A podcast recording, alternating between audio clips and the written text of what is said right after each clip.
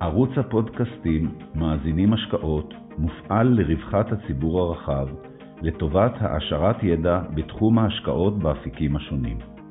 יוזמת ומפעילת הערוץ הינה חברת פיננסים ניהול הון פרטי בע"מ, העוסקת בייעוץ השקעות. מנחה הפודקאסטים הינו דוקטור איתי גלילי, מנכ"ל החברה. היי ניר. אהלן. אהלן, תודה שאתה מצטרף אליי לפודקאסט. תודה שהזמנת אותי. אנחנו נדבר היום על אה, השקעות, בדגש על שוק ההון האמריקאי, ועוד יותר בדגש על אה, השוק של החברות הישראליות בשוק האמריקאי. אני אשמח אם לפני שאנחנו יוצאים לדרך, אה, המנהג שאני נוהג זה שכל משתתף בפודקאסט מתאר קודם כל תחום פעילותו והרקע עליו, אז אני אשמח אם נוכל להתחיל בזה. בשמחה. אה, אז אני בשנים האחרונות אה, שותף מנהל בקרן אה, הגידור טרי גרדן קפיטל, שהיא קרן long short מנייתית, שמתמקדת בחברות ישראליות שנסחרות בארצות הברית. לפני כן הייתי חלק ממחלקת המחקר של אופנהיימר ישראל, שמי שלא מכיר היא חברת בת של אופנהיימר הולדינגס, שהוא ברוקראז' ובנק השקעות אמריקאי. ריכזתי באופנהיימר את התחום של המחקר על שוקי המניות האירופאיים, ואת המחקר על אה, חברות ישראליות בתחומים של ביוטכנולוגיה פארמה וציוד רפואי. זה בגדול אה, הרקע, הרקע שלי. טוב, אז בואו נתחיל אה, להתקדם בצורה הדרגתית לדיון על החברות הישראליות, אבל בואו נתחיל קודם כל בשוק ההון האמריקאי כיום, בקצת מקרו, מה אתה, מה אתה מבין מהאירועים האחרונים בשוק ההון האמריקאי? אוקיי. Okay. כן, אמ, אז למען האמת אני אה, נוקט אה, בגישה זהירה בנוגע לשוקי המניות העולמיים ואמריקאי, שוק המניות האמריקאי בפרט בתקופה האחרונה, עוד בחודשים האחרונים של 2019. יש אה, כמה סיבות ואני אעבור עליהן. הסיבה הראשונה, והיא סיבה מאוד מהותית, היא עניין החולשה המתמשכת בתחזיות הרווח של החברות.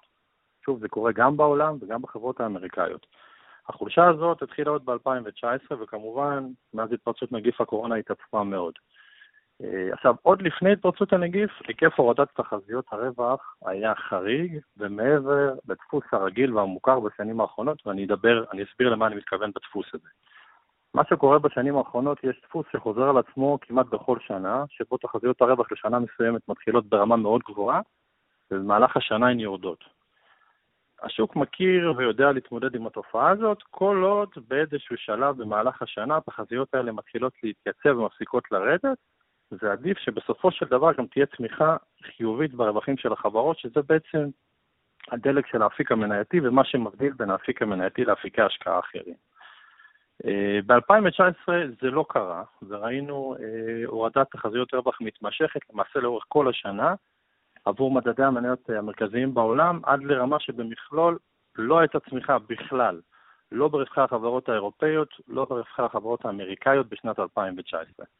עכשיו, כולנו יודעים מה מדדי המניות העולמיים עשו ב-2019, כמובן ביצועים פנטסטיים. אה, וזה אומר שזה היה צריך להגיע מאיפשהו, וזה הגיע כמובן מנושא התמחור. כשהשוק עולה זה יכול להגיע כמובן או מעלייה בתחזיות הרווח, או בעלייה בתמחור, וב-2019 ראינו שהשוק עלה אך ורק על עליית תמחור. אה, בחלק מהמקרים אנחנו הגענו אה, אל מעבר, ואפילו הרבה מעבר מהמוצאים ההיסטוריים, ולגישתי כבר בסוף 2019, שוקי המניות העולמיים עמדו בנקודה פגיעה, וזה עוד לפני שאמרתי את המילה קורונה. אז uh, בנקודה הזאת, כמובן שיצא להתייחס לנושא הסופר משמעותי הזה של התפרצות נגיף הקורונה. אז צריך להגיד שבשבועות הראשונים השווקים הפיננסיים העריכו מאוד בחסר את ההשפעות האפשריות של הנגיף. איפשהו באמצע חודש ינואר היה ברור שיש נגיף שהתפרץ בסין, שהוא מאוד מדבק, ושכנראה ההתפרצות שלו תהיה חמורה משמעותית מהתפרצות נגיף הרסאס ב-2003, שגם היא התפרצות שהשוק לא ניער בכזאת קלות, הוא כן התייחס אליה וכן הגיב אליה. בשלב הראשוני ראינו שסין נסגרת כמעט לחלוטין ברמת הפעילות, ראינו צניחה בפעילות הכלכלית, בטח במחוז חובי שהוא לב המגפה, אבל גם במרכזים כלכליים, המרכזים הכלכליים החשובים בסין, אה, וזה בפני עצמו גורם סיכון מאוד חשוב לרווחי החברות וגם למדדי המניות. צריך לזכור שסין היא הכלכלה השנייה בגודלה בעולם, בערך 16% מהתוצר העולמי, ויותר חשוב, היא אחראית לשיעור גבוה הרבה יותר מהצמיחה העולמית. אז אה, לאחר מכן ראינו שהנגיף גם די כצפוי, הגיע לאירופה, והגיע גם במקרים ראשונים גם אה, לארה"ב בתחילת פברואר, והשוק עדיין התעלם ממנו. צריך לזכור שמדדי המניות בארצות הברית הגיעו לשיא של כל הזמנים שלהם ב-19 בפברואר, ובנקודה הזאת הייתה, הנגיף היה נוכח מאוד מספרים גדולים באסיה, לא רק בסין, בהרבה מדינות אחרות.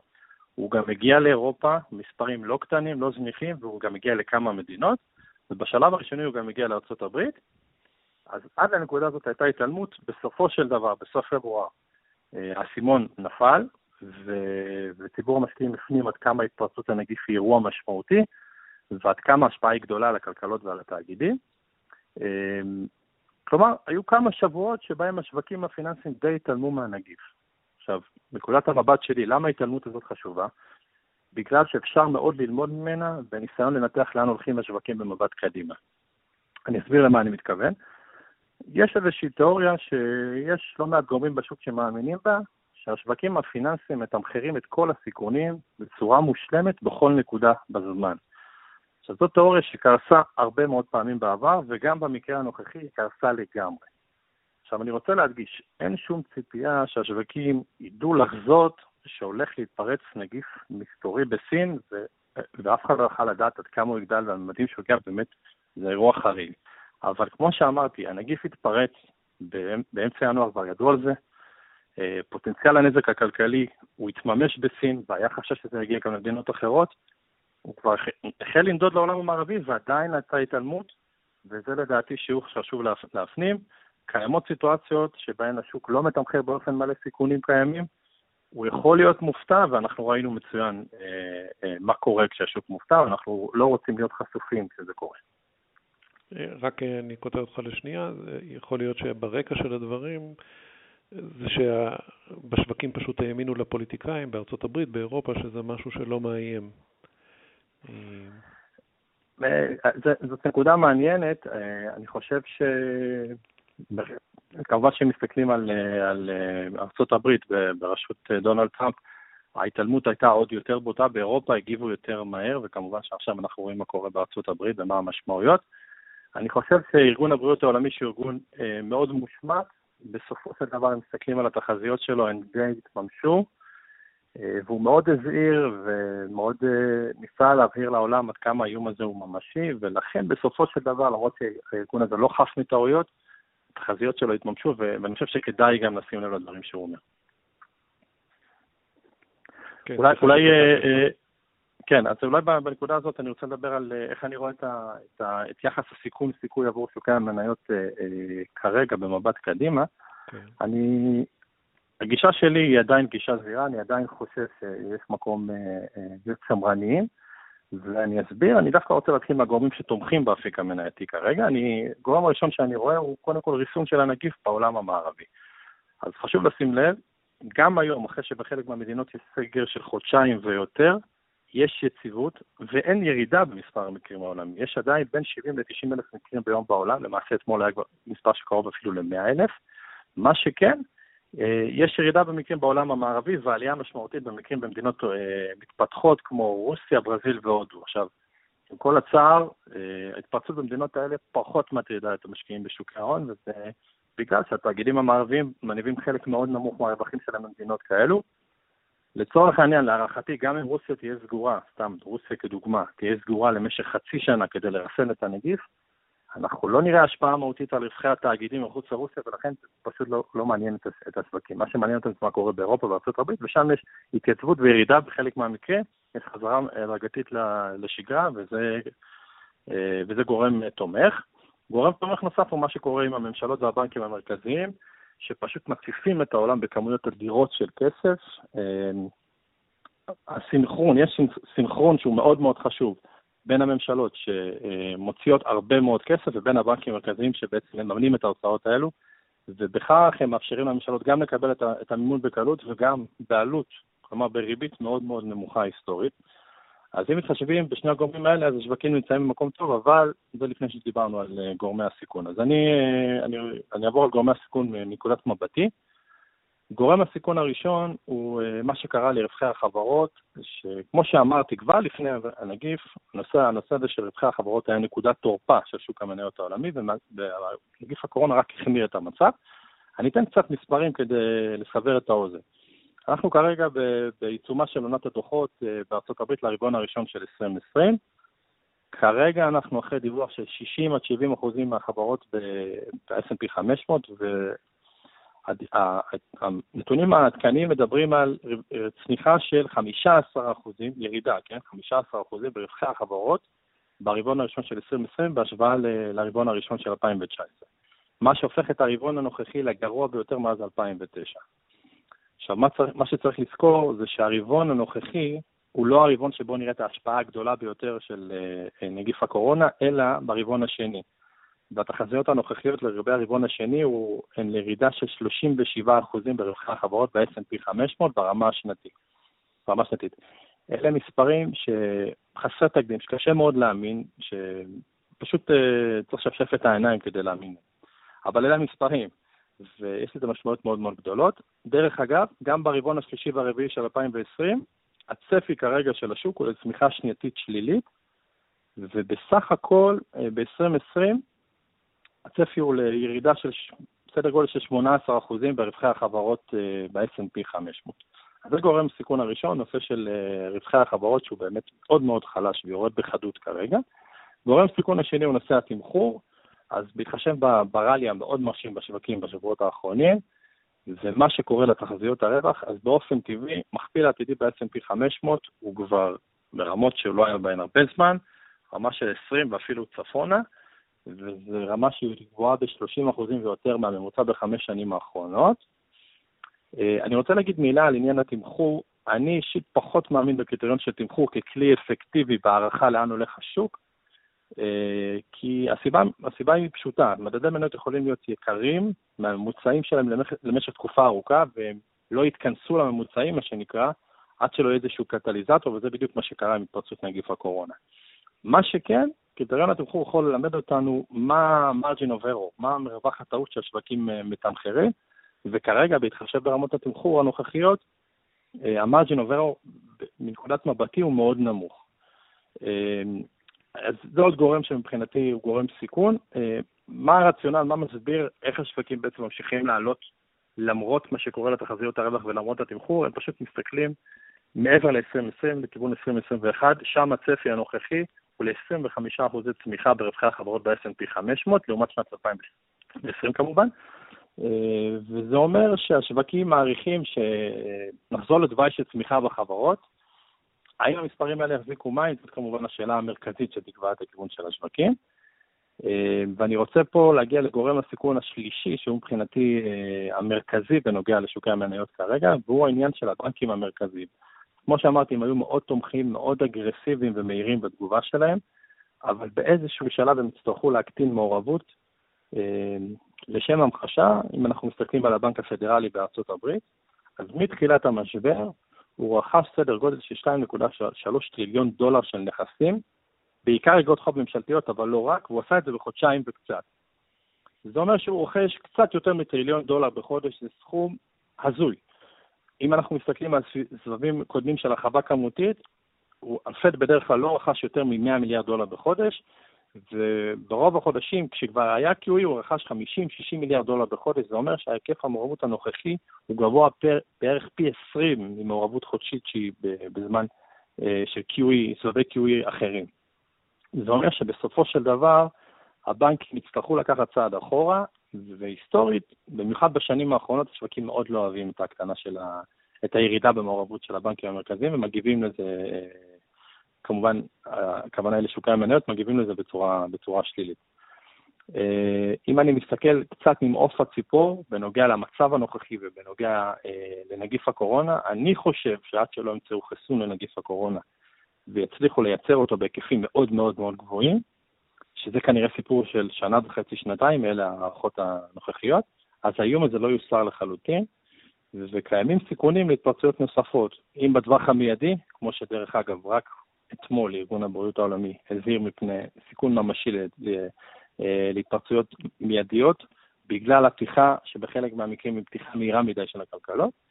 ואם הבא בטווח המיידי, כמובן שיש שה, שהנגיף יחזור בחורף, אנחנו מקווים שזה לא יקרה, אבל uh, זה אפשרי.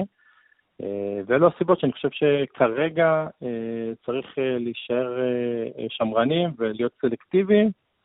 כמובן שיש אזורים בשוק שהם יותר מעניינים, פחות מעניינים, אני אגע בזה בהמשך, אבל כמכלול, אני רואה יחס סיכון-סיכוי לא אטרקטיבי. שאלה אחת לפני שמתקדמים, uh-huh. דיברת על מכפיל 20, איזה משמעות יש לרווח שלא יודעים אותו שנה הבאה, לעומת אה, נניח מכפיל של תקופות ארוכות, מכפיל ממוצע לאורך הרבה שנים?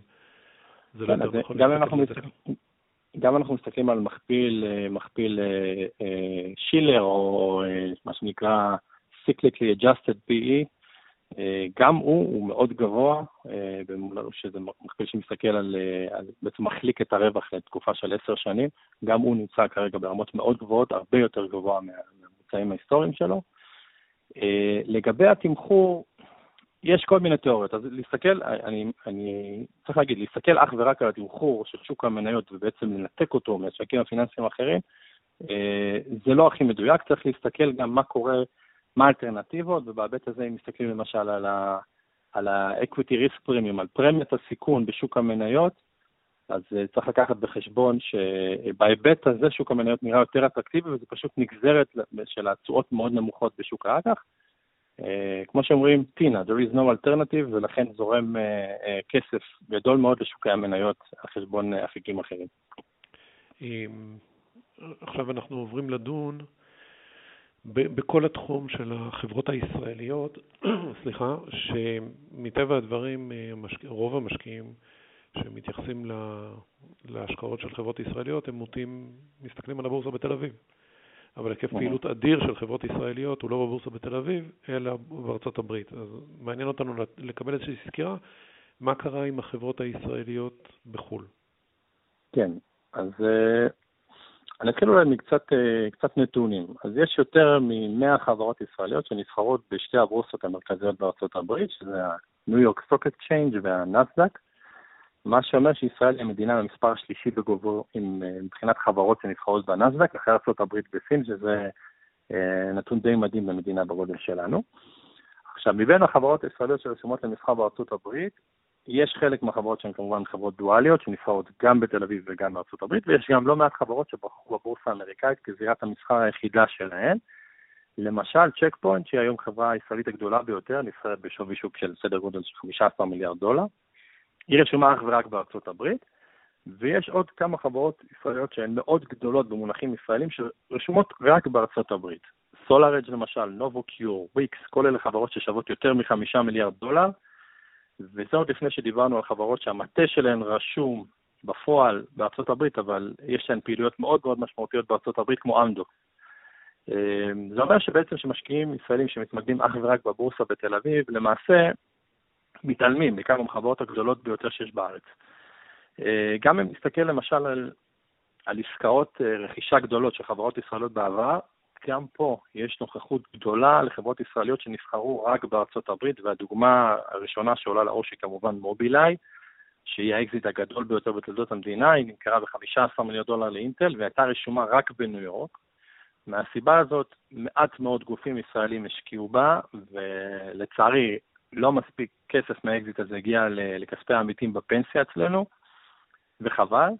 אה, גם אם מסתכלים על מלאנוק, שרק לפני תקופה קצרה הרכישה שלה על ידי NVIDIA הושלמה, גם היא בשנים האחרונות נסחרה אך ורק בארצות הברית, ואחרי שנמחקה אה, לפני כמה שנים במסחר בישראל. אז אה, כשמסתכלים על הסיבות שחברות ישראליות בוחרות להיסחר בארצות הברית ולא בתל אביב, אז יש כמה סיבות. הסיבה הראשונה והמרכזית נגישות גבוהה לכסף. גבוהה יותר לכסף. יש תחומים מסוימים שבהם הרבה יותר קל ונוח לגייס כסף בארצות הברית. אני אתן דוגמה. אם מסתכלים למשל על חברות בתחומים של מדעי החיים, ביוטכנולוגיה, ציוד רפואי, אה, בארצות הברית יש כמות אדירה של קרנות יהודיות בתחום, זה מה שהן עושות, משקיעות בחברות ביוטכנולוגיה צעירות. הצד השני בישראל, יש מספר מצומצם מאוד של גופים שמתעניינים בכלל בחברות כאלה, ולכן כשחברות כאלה באות ורוצות לגייס כסף ולהנפיק את עצמן, הבחירה בבורסה האמריקאית היא בחירה מאוד טבעית. הסיבה השנייה היא שחברות רוצות להיסחר איפה שהמתחרות שלהן נסחרות. ובצורה הזאת היא בעצם מספקת למשקיעים שלהם ייחוס. דוגמה לכך היא חברת וויקס, שהיא חברת אינטרנט, ובאופן טבעי רצתה להיסחר באותה זירת מסחר שבה נסחרות חברות האינטרנט הגדולות בעולם. אז זאת הסיבה השנייה. סיבה שלישית, אה, היא סיבה שאני שומע לא מעט מחברות, היא רצון לשמור על פוקוס ארגוני. כש, כשחברה, לצורך העניין, נניח שיש חברה שהיא רשומה, התחילה את הרישום שלה ואת ביצעת ההנפקה הראשונית שלה בארצות הברית, ועכשיו היא שוקלת האם או לא לעשות את הרישום גם בתל אביב כרישום דואלי. צריך להבין שמבחינתה היא צריכה לקיים פה כנסי משקיעים, היא צריכה להיפגש עם משקיעים, היא צריכה לתרגם ולהפיץ כל הודעה שלה, וצריכה בעצם להסיט פוקוס ארגוני בתחומים אחרים, לכיוון uh, התקשורת פה עם, ה, עם שוק ההון. זה נשמע זניח, אבל עבור לא מעט חברות במונחי עלות תועלת זה לא משתלם, והן בוחרות לא לעשות את זה. Uh, זאת סיבה מאוד מרכזית נוספת, ויש גם עלויות עודפות לרישום, uh, לרישום בתל אביב, שזה בערך מיליון שקל בשנה. עבור חברות גדולות כמובן שזה לא משמעותי, אבל חברות ביוטכנולוגיה צעירות מבחינתן זה סכום לא, לא מבוטל. אז אם אני uh, צריך להצביע על הסיבות המרכזיות, אז אני חושב שזה רצון לקבל הערכות שווי גבוהות יותר מהמשקיעים, ורצון לשמור על פוקוס ארגוני. אז, אז למעשה זה הבסיס, עכשיו שאנחנו, שזה שוק לא מבוטל, מה היו הביצועים שלו כסגמנט? כן, אז uh, זו באמת נקודה מעניינת לבוא ולהבין uh, האם החברות שנבחרות בארצות הברית בסופו של דבר מציפות יותר ערך לבעלי המניות שלהן, ויש אה, פה תוצאות מעניינות. אז קיימים כמה מדדים שמתמקדים בחברות ישראליות שנסחרות בחו"ל, אה, והמדדים האלה מסתכלים גם על חברות שזה הרישום היחיד שלהן וגם על חברות שזה חלק מרישום דואלי. יש מדד לדוגמה שנקרא Blue Star Israel Technology, שלמרות השם שלו יש בו גם חברות מתחומים אחרים, כמו ביוטכנולוגיה וציוד רפואי. החברות הגדולות במדד הזה הן NICE, שרשומה גם בתל אביב וגם אה, בניו יורק, צ'ק פוינט, שכאמור רשומה אך ורק אה, אה, בניו יורק, ואמדוקס, נובוקיור וויקס, שזה עוד שלוש חברות שרשומות אך ורק בניו יורק, זאת אומרת, מתוך החמש חברות הגדולות בתוך המדד הזה, רק אחת היא דואלית. אז בשנתיים האחרונות המדד החזיר תשואה של 22 אחוזים, שהיא גבוהה ממדדים האמריקאים כמו ה-S&P 500 ואפילו הנסדק, שזה הישג מרשים. והיא גבוהה משמעותית מהתשואה של אה, מדדים בבורסה בתל אביב, כמו תל אביב 35, אה, בתל אביב 125, שהחזירו תשואה אפסית ואפילו שלילית באותה תקופה. אה, אם אנחנו מסתכלים על הביצועים מתחילת השנה כדי לראות את ההשפעה של באמת התפרצות נגיף הקורונה, אנחנו רואים שמדד הבלוסטר ריזר טכנולוגי עבר את, את המשבר הזה בצורה יחסית טובה, עם ירידה של 7 אחוזים. שזה אומנם פחות טוב מהנסדק, אבל זה טוב משמעותית במדדים בבורסה בתל אביב, שאיבדו עשרה אחוזים ויותר. אה, בעיקרון 15-20 אחוזים, אנחנו ככה מיישרים קו אה, מבחינת התקופות. אז, אז זה למעשה בגלל שיש הטיה יותר גדולה לטכנולוגיה, הטיה בחברות, והטכנולוגיה נפ, פחות נפגעת מהמשבר הזה. בהחלט, בהחלט. מייצר תשואה עודפת אה, משמעותית כנראה על אה, סגמנטים אחרים. אז בוא נדבר איך אתה רואה את ה... בתוך, ה... בתוך התחום הזה, מה אתה רואה את ההזדמנויות ומה אתה רואה את הסכנות בנישה הזאת של ישראליות בחו"ל. כן, אז אה, אם אנחנו באמת מאפיינים, כמו שאמרת, מאפיינים את החברות הישראליות שנבחרות בחו"ל או בארצות הברית ספציפית, אז בדרך כלל אלה יהיו חברות טכנולוגיה, וגם בהיקפים שהולכים וגדלים, חברות ביוטכנולוגיה וציוד רפואי, אנחנו רואים יותר ויותר הדבקות בתחומים האלה. יש נוכחות יותר קטנה של חברות בתחומים אחרים. בדרך כלל הן יהיו אה, אה, חברות עם פעילות גלובלית משמעותית, וגם פעילות משמעותית בארצות הברית, שזה משהו שכמובן מעניין את המשקיעים האמריקאים. אה, ועוד נקודה מעניינת, אלה חברות שהן אה, עם איתנות פיננסית גבוהה, לרוב החברות הגדולות הישראליות שנבחרות בארצות הברית אין כמעט חוב בכלל, ויש להן אה, קופת, חוב, קופת מזומן, סליחה, מאוד גדולה. אם אנחנו מסתכלים על צ'ק פוינט, אז יש לה קופת מזומנים של 4 מיליארד דולר. אה, אז, אה, אז העניין הזה של האיתנות הפיננסית הוא עניין מאוד מאוד חשוב, כי במיוחד בהקשר הזה של התמודדות עם, עם משבר הקורונה, כשהחברות האלה מגיעות ללא חוב, עם, אה, עם אה, הון פיננסיות מאוד משמעותיות, זה בעצם מאפשר להן להתמודד עם המשבר, גם אם הוא יתארך תקופה ממושכת מהצפוי, וזאת מבחינתן התחלה טובה. בגלל שאלו חברות טכנולוגיה, אז אלו חברות שיש להן מוכנות ארגונית יחסית גבוהה לעבודה מרחוק, ההתאמה היא יותר פשוטה, יותר טבעית מאשר לחברות בתחומים אחרים. אה, וברמה הפרקטית, אם אנחנו מסתכלים על, אה, על חברות ישראליות שנסחרות אה, בארצות הברית, אז ראינו ככה שונות יחסית גדולה בהשפעה של נגיף הקורונה על התוצאות. יש כמה חברות שאפילו ראו עלייה בפעילות, למשל אם אנחנו מסתכלים על חברת פייבר, שהיא מפעילה פלטפורמה שמקשרת בין ארגונים לבין פרילנסרים, היא דיווחה שתעקוף את התחזית שלה ברבעון הראשון, ומי שיסתכל על המניה שלה לאחרונה, לאחרונה רואה שהיא אה, אה, באמת רצה מאוד חזק על הדיווח הזה. מה שקורה זה שיותר חברות בוחרות לפטר או להוציא חופשה לעובדים, במקום זאת להשתמש באופן נקודתי בשירותים של פרילנסרים, ופייבר היא מאוד אה, נהנית מהעניין הזה. גם וויקס היא עוד חברה שהודיעה שהיא רואה עלייה מסוימת בביקושים.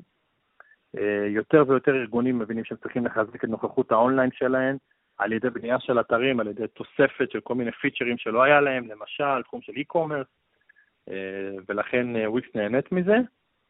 מהצד השני, אנחנו רואים גם חברות שנפגעו אה, מהמשבר ונאלצו לחתוך את התחזיות יחסית בחדות. אם אני אתן דוגמה, זאת חברת קורנית למשל, שמפתחת פתרונות הדפסה על טקסטיל, והלקוחות שלה הם בעיקר רשתות אופנה וקמעונאים קטנים בתחום האופנה, והיא יודעה שתפספס משמעותית את התחזיות שלה לרבעון הקרוב, זה אומר 35 עד 45 אחוזים מתחת למספרים שהיא נתנה רק בפברואר. אה, ויש גם כמה חברות בתחומים אחרים, למשל אבטחת מידע וציוד תקשורת, שגם הורידו תחזיות. וזה אה, מקשר אותי לתחומים שאני חושב שהם אטרקטיביים כרגע. אה, אני חושב שתחום אטרקטיבי, תחום ראשון שבעיניי הוא אטרקטיבי כרגע בתוך החברות הישראליות שנסחרות בארצות הברית, הוא חברות שעובדות מול חברות תקשורת, גבלים ותוכן. מה שאנחנו רואים ויודעים היטב כולנו בבתים בתקופה הזאת, אם יש הוצאה שאנחנו לא ניגע בה, זו הוצאה של תקשורת ותוכן, אה, ולכן החברות האלה יכולות לראות אה, יציבות ואפילו עלייה בביקושים, אה, ואני שם פה דגש על חברות שמספקות שירותים תפעוליים לחברות התקשורת, שירותים כמו billing, שזה הפקת חשבוניות, ניהול וייעול מערכות של call centers ואנליטיקה. השירותים האלה אה, נמצאים במקום טוב, ודווקא בהקשר הזה אני חושב שצריך לשים דגש על חברות שמתמקדות בהוצאות התפעוליות, כלומר ב OPEX של חברות התקשורת ופחות בהוצאות הקפיטליות שלהן, ב CAPEX, שם אנחנו רואים אה, דיווחים קצת מעורבים, יש גם חברות שרואות, אה, שחברות התקשורת קצת לוחצות על הברקס בהקשר של, ה, של פריסת תשתיות עתידיות. זה התחום הראשון. התחום השני שאני חושב שהוא אטרקטיבי הוא ביוטכנולוגיה וציוד רפואי, כמובן עם דגש גדול על סלקטיביות, אני אסביר. Uh, במהלך הגל, גל הירידות של פברואר ומרץ, גם חברות ביוטכנולוגיה נפגעו, וראינו שהשוק מעניש במיוחד חברות שלא החזיקו ביתרות מזומן גבוהות. הייתה איזושהי הערכה שלא תהיה להן גישה למימון בטווח הקצר. קודם כל, מאז האפשרות להשיג מימון נפתחה וראינו גם כמה גיוסים. ובכל מקרה, לרוב המוחלט של החברות האלה יש מספיק אוויר כדי לעבור את המשבר עם מזומן לשנה-שנתיים אה, ומעבר לכך. אז זה אומר שיש לא מעט חברות שראו אה, ירידה משמעותית בשווי שלהן, למרות שמבחינה עסקית לא קרה שום דבר. הן ממשיכות בתהליכי הפיתוח שלהן אה, ללא עיכובים משמעותיים. אז אני מעריך שבסופו של דבר, חברות שידעו לקדם את הפרויקטים המרכזיים שלהם בהתאם, פחות או יותר, ללוחות הזמנים המקוריים, אז אה, יש שם אפשרות להציף ערך. עוד איזושהי נקודה שצריך לזכור לטובת ולזכות החברות הישראליות שהן היו מאוד מאוד פריזות בתגובה שלהן אה, לנגיף הקורונה. יש כמה חברות ביוטכנולוגיה וציוד רפואי ישראליות אה, שמפתחות כרגע תרופות ובדיקות למחלת ה-COVID-19, שהיא בעצם אה, המחלה שנגרמת מנגיף הקורונה. מבלי להיכנס לסמות ספציפיים, יש אה, כמה חברות שהציגו גם נתונים קליניים יפים עד עכשיו, אם במסגרת אה, אה, מה שנקרא טיפול חמלה, טיפולי חמלה שבוצעו גם בישראל וגם במדינות אחרות, וגם בניסויים קליניים קטנים. אז אה, הן היו מאוד זריזות, וכרגע נמצאות חלקן במקום יחסית מתקדם, בתהליך של פיתוח של תרופה וטיפול למחלת ה-COVID-19. אז זה התחום השני שבו הייתי מתמקד. תחום שלישי הוא אבטחת מידע. גם בתחום הזה יש חשיבות מאוד גבוהה לסלקטיביות. יש הזדמנויות בעולם הזה של אבטחת מידע, המון המון ארגונים עבדו, עברו לעמודה ברחוק. יש צורך דרמטי לשפר את ההגנה על מכשירי הקצה, ואנחנו רואים עלייה חדה בהתקפות סייבר מסוגים מסוימים. אה, אז שוב, יש שונות, יש למשל את צ'ק פוינט, שהיא באמת אחת מחברות אה, אבטחת המידע הגדולות בעולם, שרואה סגמנטים שונים בשוק, והיא מבחינתה הודיעה רק לאחרונה שרואה יציבות. מצד שני, יש חברות נישתיות הרבה יותר כמו, חברות ישראליות כמו טופין וורוניס, אה, שסיפקו אזהרות רווח די אגרסיביות. אז שוב, סלקטיביות. ואני אגיד רק מילה על החשיפה הגיאוגרפית שאני אה, אה, מעדיף כרגע, אני חושב שבאופן אבסורדי דווקא אה, חברות עם חשיפה גבוהה לשוק האסייתי אה, יכולות להיות מעניינות כרגע, כי המשבר אומנם התחיל שם, אבל כרגע בסין אה, הנתונים הכלכליים נראים נהדר בהשוואה למה שקורה בשאר העולם, ויש תחומים, למשל תחום השבבים, שהוא אה, נשלט באופן כמעט בלעדי על ידי חברות אסייתיות, ולכן אנחנו רואים חברות ישראליות שפועלות באסיה, למשל בשוק השבבים, ומדווחות על יציבות בפעילות, ובתקופה הנוכחית יציבות בפעילות זה המון. אה, אז זה מבחינת תחומים שנראים לי אה, אטרקטיביים. אני אה, אדבר גם על תחומים שנראים לי כרגע פחות אטרקטיביים, אז והייתי נזהר מהם. אז קודם כל, כשדיברתי על תחומים שאני מעדיף, הסתכלתי על, על עוצמת המאזנים, אז תמונת הראי היא להיזהר מחברות עם רמת מינוף גבוהה. באיזשהו שלב במהלך הירידות של פברואר-מרץ ראינו שהשוק חד משמעית מעניש את החברות המונפות יותר, ויש חשש שגם אם, אה, אה, שבמקרה של אה, התפרצות נוספת של הנגיף, או במקרה ש, שהעולם יפנים שההשפעות הכלכליות הן לא קצרות טווח, כמו שכרגע הערכה, יכול להיות שתהיה לנו שוב פתיחת מרווחים משמעותית באפיק האג"חי, והחברות שהן ממונפות פשוט חוטפות יותר חזק מאחרות, אז צריך להיזהר בהיבט הזה. עוד תחום אה, שצריך אה, מבחינתי אה, להיזהר ממנו הוא חברות שחשופות לתחומים שהם בליבת המשבר. הכוונה לתחומים כמו קמעונאות, מלונאות, פנאי, וגם חברות שיש להן תלות גבוהה בעסקים שהם קטנים ובינוניים, שגם הם צפויים להיפגע יותר מהחברות הגדולות. יש לא מעט חברות ישראל, גם חברות ישראליות, גם בתחומי הטכנולוגיה, ששוקי היעד שלהם הם בדיוק השווקים האלה. אז צריך להיזהר מהם. אה, גם אה, מי שחשוף לשוק אה, הרכב או לשוק הבנייה, גם בהיבט הזה נראים כרגע אזורים פחות אטרקטיביים. ונקודה שלישית שנראית לי קצת פגיעה בשלב הנוכחי, חברות שפעילות בתחום האנרגיה המתחדשת. זה חברות שמספקות מוצרים ושירותים לפרויקטים של אנרגיה סולארית, אנרגיית רוח, אנרגיות מתחדשות אחרות כמו אנרגיה גיאותרמית. בגדול, אני חושב שאלה תחומים מאוד מעניינים שנמצאים בצמיחה מבנית ארוכת טווח, אבל דווקא עכשיו אה, הם עלולים להיות פגיעים. בין השאר, התחומים האלה הם, הם תלויים בהתקנה פיזית של מוצרים שהיא כרגע בעייתית, ובלי קשר, אם אנחנו מסתכלים על הירידה במחירי הדלקים המאובנים כמו נפט ודלקים אחרים, הירידה הזאת מקטינה את האטרקטיביות של ההפקה דרך המקורות המתחדשים.